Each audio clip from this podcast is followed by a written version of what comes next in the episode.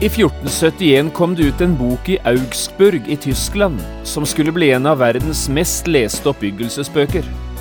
Forfatteren heter Thomas Hemerken, men er bedre kjent som Thomas A. Kempis. Kristi etterfølgelse kalte han boka si. Og det er i denne boka vi møter de klassiske ordene Kristus har mange tilhengere, men få etterfølgere. Dette skal vi snakke litt sammen om i dag.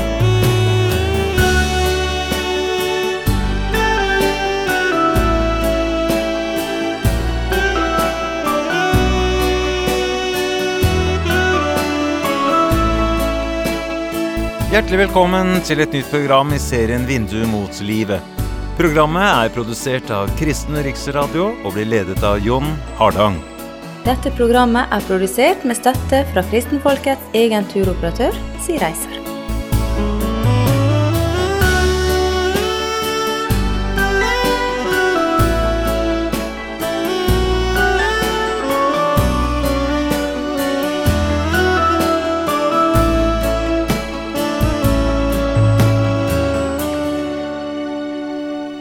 I dag skal vi lese et flott bibelavsnitt sammen, fra Johannesevangeliet i Bibelen. Jesus har gjort sitt store brødunder og mettet 5000 mennesker, bare med fem brød og to små fisker. Dagen etter møter han igjen de samme menneskene som hadde spist av dette brødet og av fisken. Men nå taler Jesus til dem om seg selv som livets brød. Og hvordan den talen ble mottatt, ja, det er det du skal få høre nå. Dette er det tolvte og siste programmet i serien Tilhenger eller etterfølger, en bibelundervisningsserie på tolv programmer som tar utgangspunkt i de såkalte søndagstekstene. Vi leser nå fra Johannesevangeliet i kapittel seks, og vi skal lese versene 66 til 69. Jeg har kalt dagens program Tilhenger eller etterfølger. Etter dette trakk mange av hans disipler seg tilbake og gikk ikke lenger omkring sammen med han. Jesus sa da til de tolv, Vil også dere gå bort? Simon Peter svarte ham, Herre, hvem skal vi gå til? Du har det evige livs ord, og vi tror og vet at du er Guds hellige.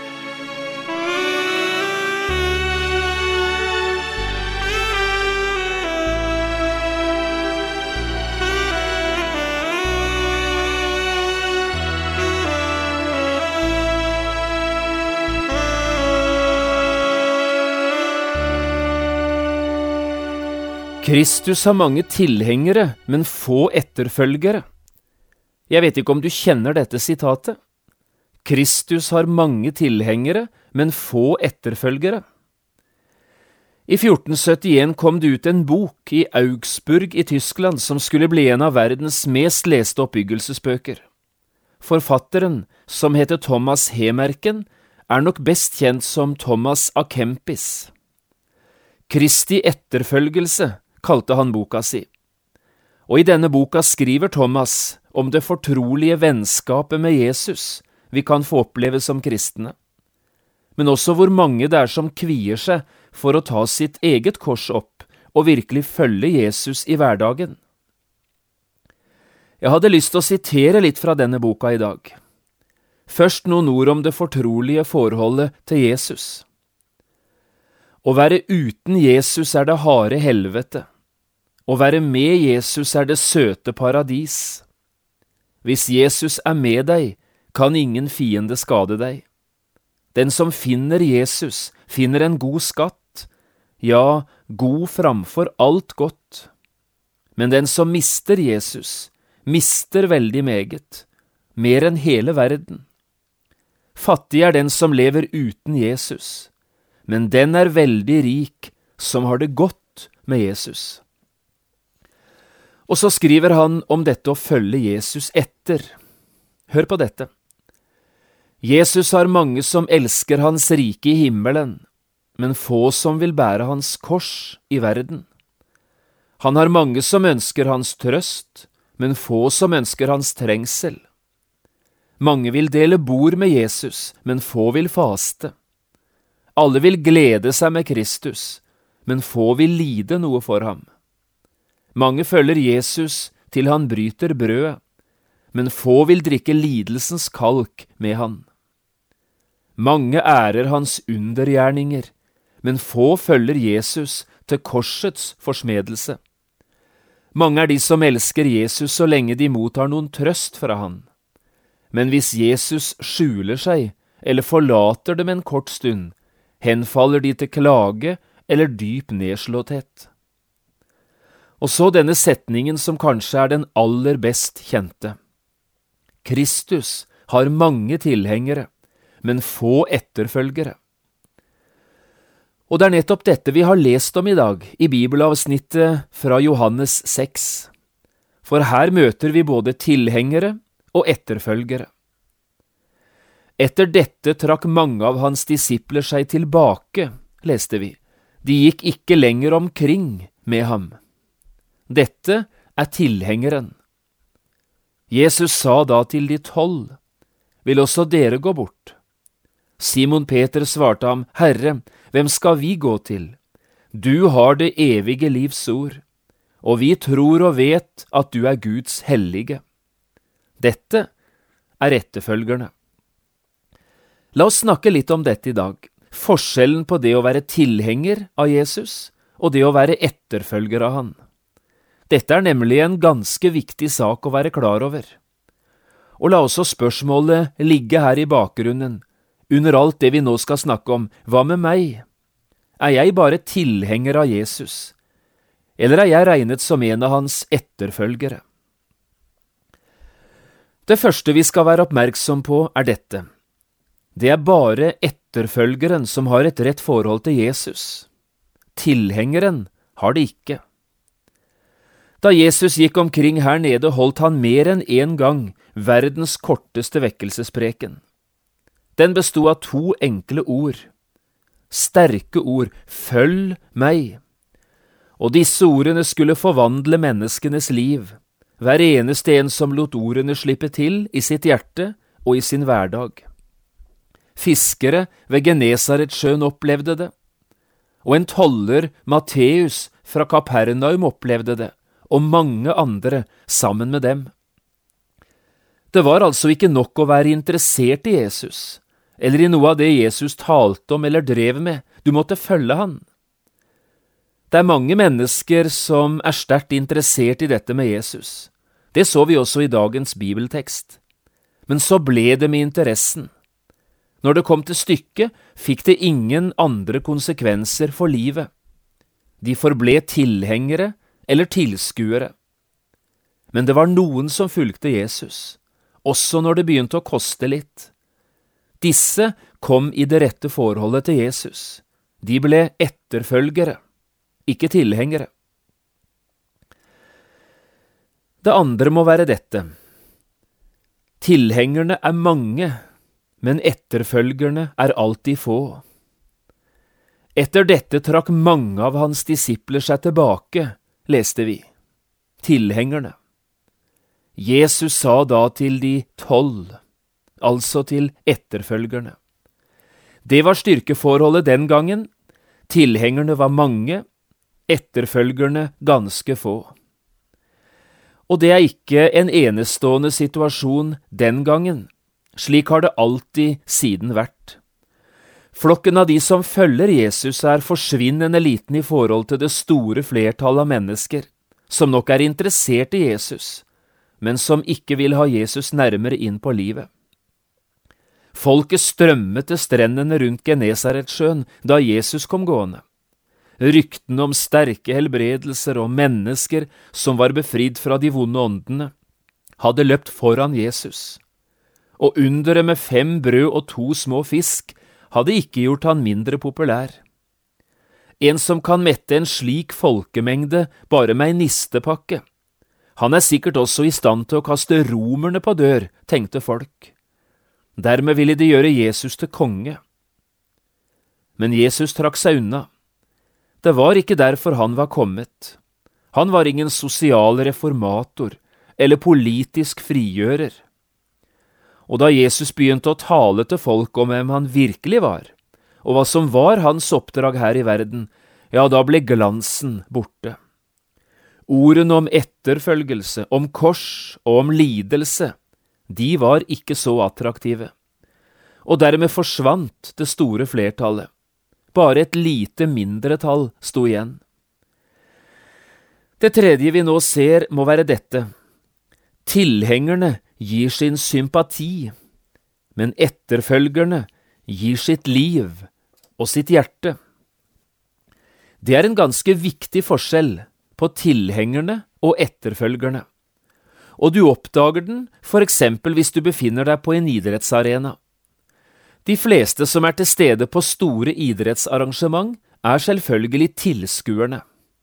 I forhold til dem er deltakerne eller idrettsutøverne i et himmelropende mindretall. De er få, mens tilskuerne er mange. Men det er bare deltakerne som har sjans til å vinne gull. Ingen tilskuer har seiersjanser. Å være tilskuer er selvsagt mye mer bekvemt. Det koster deg noen kroner å komme inn på banen. Det koster deg noen timer å overvære konkurransen. Og så kanskje litt mer penger hvis du vil ha noe å spise eller noe å drikke. Ellers koster det ingenting å være tilskuer. Du kan heie når du vil, og du kan pipe når du vil. Du er fri til å applaudere det du liker, og du er fri til å komme med mishagsytringer hvis du er uenig. Å være tilskuer må være noe av det mest uforpliktende som finnes. Og det er på tribunene du finner de store massene, alle disse som er tilskuere, men som altså er uten seiersmuligheter. Det å være deltaker, det er noe helt annet. Det krever innsats, dyktighet og utholdenhet. Timer og dager, uker og kanskje måneder med trening før du i hele tatt kommer til start. Med forsakelse, svette og slit. Og i det øyeblikket du så står på startstreken, så vet du at dette vil kreve alt du har å gi. Men det er derfor du løper, og det er derfor du holder ut. Det er for å nå målet og for om mulig vinne prisen. En deltaker er interessert i å satse alt for å nå målet. Tilskuerne gir sin sympati, men deltakerne gir seg selv. Dette ser vi også her ved Genesaretsjøen. Tilskuerne er der, mange, mange, og deltakerne er der, representert ved flokken på tolv. Du ser dem, du også, gjør du ikke? Og du vet hvem som seirer til slutt. Det fjerde må være dette. Tilhengerne er opptatt med Jesu gaver, men etterfølgeren er opptatt med Jesus selv. Så lenge Jesus helbredet mennesker eller drev ut vonde ånder, ja, så strømmet folket til.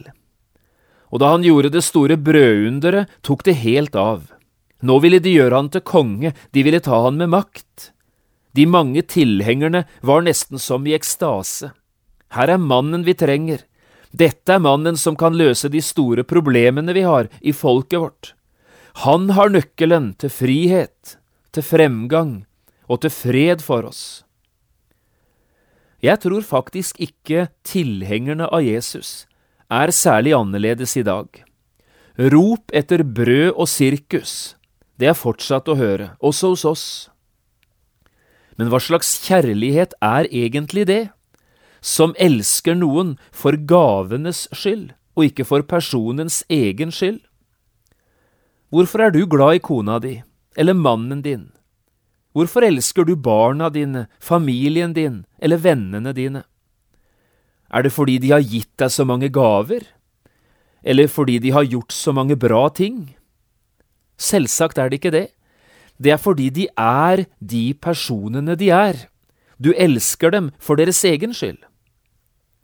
Folkemengden ved Genesaretsjøen var begeistret for gavene og for miraklene, men de hadde lite syn for Jesus selv, for Mesteren.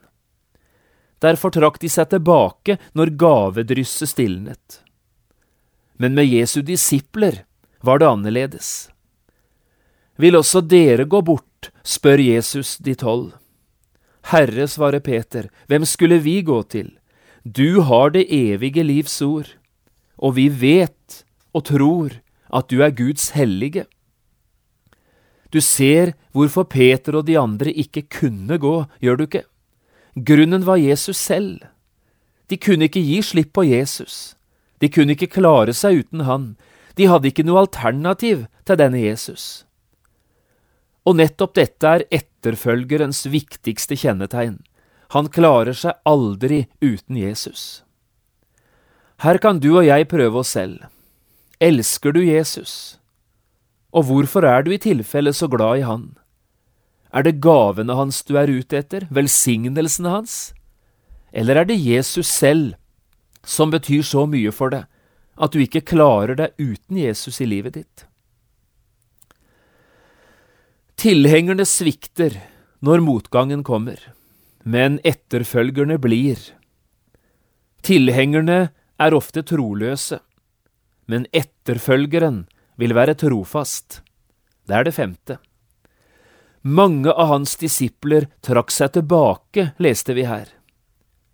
Den store folkemengden sviktet Jesus. De var troløse når det kom til stykket. Hvem skulle vi gå til? spør så de tolv tilbake til Jesus. Vi har ingen andre å gå til.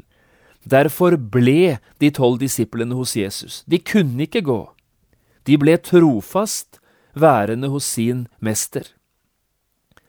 Vi har en del eksempler i Bibelen på dette, at mennesker sviktet når det gjaldt som mest.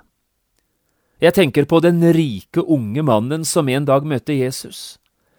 Da Jesus satte fingeren på hans ømme punkt, på rikdommen hans, og sa, Gå bort og selg alt det du eier. Kom så, følg meg, så skal du få en skatt i himmelen. Da trakk den unge mannen seg tilbake og gikk ikke lenger i lag med Jesus. Eller jeg tenker på Demas, en av Paulus' gode medarbeidere, også han sviktet. Da hjertet hans ble mest opptatt av det som hører denne verden til, forlot han Paulus, tjenesten, kanskje forlot han også Jesus, vi vet ikke. Etterfølgere svikter ikke. De kan ikke gå, selv om mange andre gjør det. Og så en viktig sak mot slutten. Tilhengeren går fortapt. Etterfølgeren blir frelst. Alle tilhengere går fortapt, sier Bibelen. Det er bare etterfølgere som blir frelst. I Hebreerbrevet 10 får vi høre dette i klartekst. Forholdet mellom tilhengeren og etterfølgeren når det gjelder utgangen av livet. Hør hva det står i Hebreerne 10 fra 37 til 39. For ennå er det bare en ganske liten stund, så kommer Han som komme skal, og han skal ikke dryge. Men den rettferdige av tro skal leve. Men dersom han unndrar seg, har min sjel ikke behag i ham. Men vi er ikke blant dem som unndrar seg og går fortapt, vi er av dem som tror, til sjelens frelse. Dette kan ikke være til å misforstå. Gud har gitt oss ett navn til frelse, Jesu navn. Andre navn og andre personer frelser ikke. Peter sier det ved en annen anledning, han som her sto ved Genesaretsjøen og ikke kunne klare seg uten Jesus. Det er ikke frelse i noen annen, sier han, for det finnes ikke noe annet navn under himmelen gitt blant mennesker som vi kan bli frelst ved. Det er derfor det er så viktig å følge Jesus og tro på Han, og være etterfølger, ikke bare tilhenger. Det står om evigheten. Det står om himmelen. Og la meg så til slutt få si, det går an for tilhengeren å bli frelst. Det går an for en tilhenger å bli etterfølger. Han forteller så fint om dette, frelsesoffiseren Henry Albert Tandberg, i boka Det blomstret roser, som ble redigert av Trygve Bjerkreim. Han forteller. Året var 1907. Jeg var enda ganske ung, 36-37 år gammel, og sto i en rik tjeneste for Herren, da jeg ble rammet av sykdom, av tuberkulose. Derfor måtte jeg gjennom et langt opphold på et sanatorium med tanke på behandling og rekreasjon. Det var en vanskelig tid, og det ble mange våkenetter, der jeg kjempet min ensomme Jakobskamp, en kamp som senere skulle bli til usigelig velsignelse, både i mitt eget liv og for den tjenesten jeg fortsatt skulle gjøre for Gud. Det var i en av disse lange våkenettene jeg skrev sangen O Herre, til hvem skulle vi da gå hen? I dag hadde jeg lyst til å sitere det første verset for deg. Her kjenner du igjen Peters ord fra bibelteksten vi har lest i dag. O Herre, til hvem skulle vi da gå hen? Du har jo det evige livet. Kun du bærer navnet som synderes venn, kun du har ditt livsblod oss givet. Hvor fattig, hvor øde og tom var vår jord, om ikke vi hadde ditt evighetsord, som løfter vår sjel over jorderiks grus, oppad mot de evige høye. Under dette oppholdet møtte Henry Albert Tandberg en ung kvinne som også var kommet til sanatoriet, dødssyk av tuberkulose. Denne unge kvinnen fikk frelsesoffiseren lede til Jesus, til Frelseren som hun hadde sviktet i unge år. Hun som var kommet til sanatoriet full av angst og frykt, fikk reise hjem for å feire sin siste jul sammen med sine kjære og hun døde tredje juledag 1907. På gravstenen hennes står disse ordene, Han har gjort alle ting vel. Hun som bare hadde vært tilhenger, ble etterfølger og evig frelst. Det var ikke minst denne sangen av Henry Albert Tandberg, sangen han hadde sitert for henne, som hjalp kvinnen tilbake til Jesus. La oss slutte i dag med å sitere det siste verset. Disse ordene har hjelp å gi, også til mennesker som trenger det i dag, også til deg, om du trenger et møte med Jesus. Når livskvelden kommer og solen går ned og evighetsklokkene ringer, i skyggenes land og ved dødsflodens bredd, si, hvem skal vel over meg bringe? Hvor godt da til Jesus befale sin ånd, og barnlig å legge sin skjelvende hånd. I Hans som har gått gjennom dødsdalen før og fjernet dens brodd og dens torner.